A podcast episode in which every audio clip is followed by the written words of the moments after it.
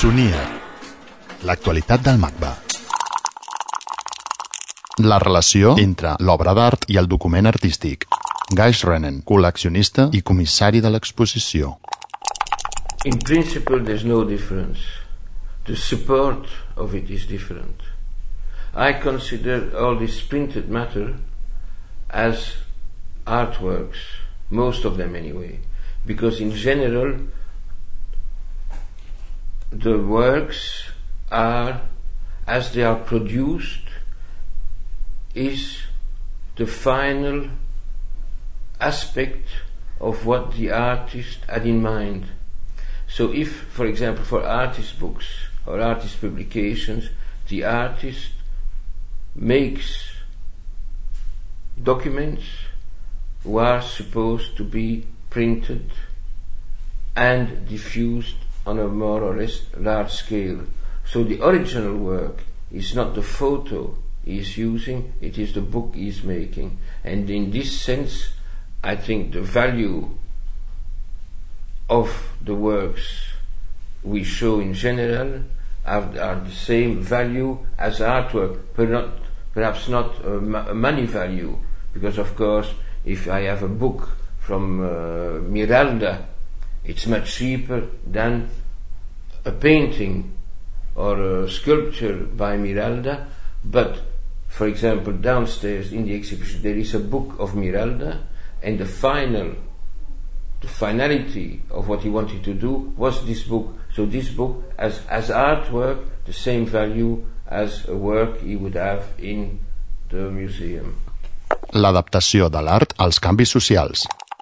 The exhibition downstairs is mainly devoted to the period 1960-1980, which is my field of interest. It's also my period that I started working and collecting, and I was acquainted with uh, these Latin American people, uh, East Europe, and in this period of what's concerning this exhibition. In 1980, there was an absolute break in Western world in the society. We went backwards. Today we have more kings and more right-winged governments than we had in the 60s, which is uh, unbelievable. And this makes a big difference, of course. We entered in a phase of, uh, of a, one of the fields of art. Of course, in, in the 60s there were also big galleries selling Miro and Picasso and all, but there was also uh, developing itself after a war, uh, all movement of what you can say a new avant-garde or uh, underground, which I don't like because it's only underground because the other people don't speak about it. But it's what, they call, or they even uh, use the word anti-culture, which I own. So, but these are the denominations they took because these works at this moment didn't fit in the official art scene.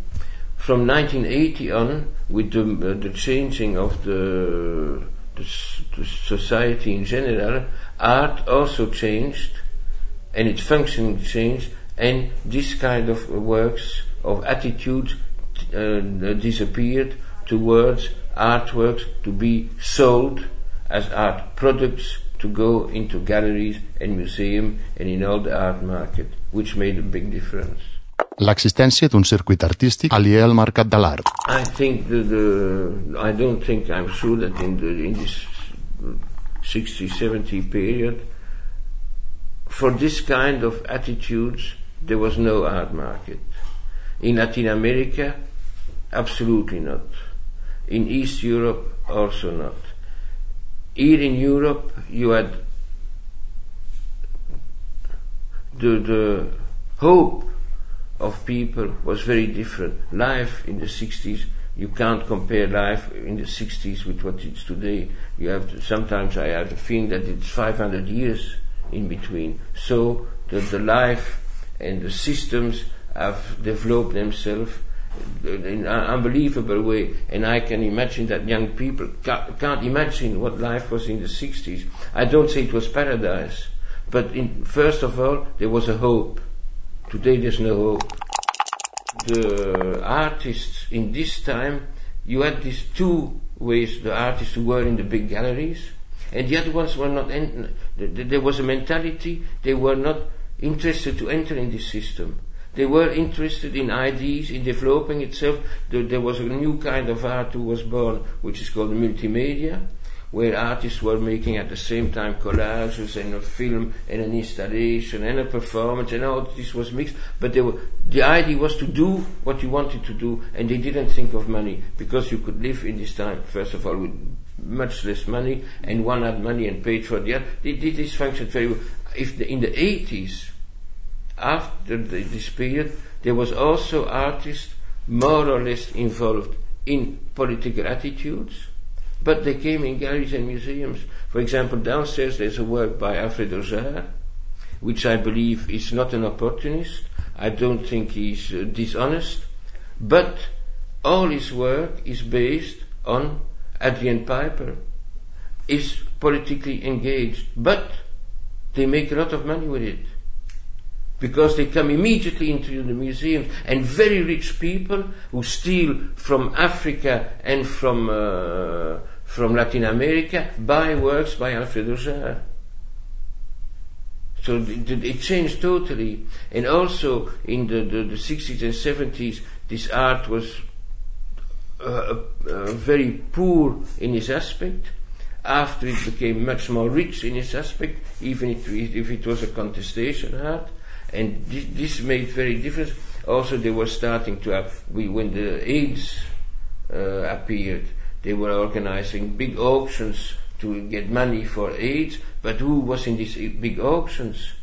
Not the artists from this underground world, it were the big names because they were forced by the galleries to give works to go in these auctions, because this was also a way of um, establishing a value of a work. So it totally changed. L'ús del llenguatge per l'activisme artístic, creativitat. Unfortunately, but this we can't help, and this won't change for years and years and years. English became a, a, a language, a vehicle of ideas. But when you will see in the exhibition, there are many Latin American pieces who express themselves in Spanish.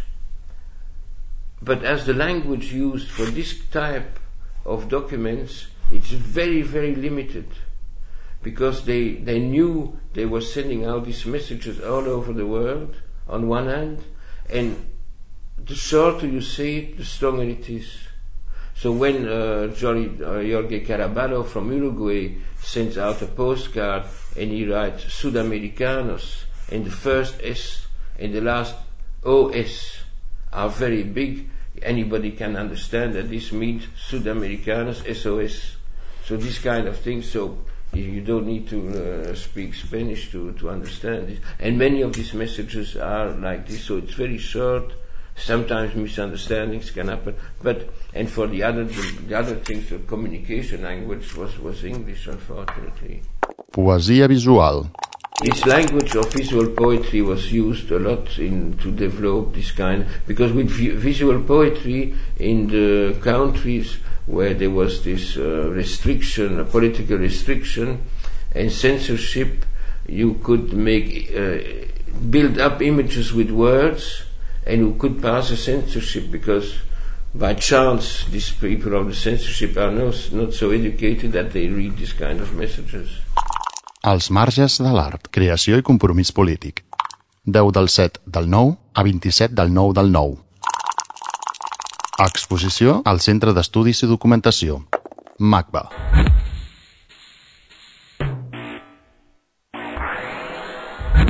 Sonia. L'actualitat del MACBA. macba.cat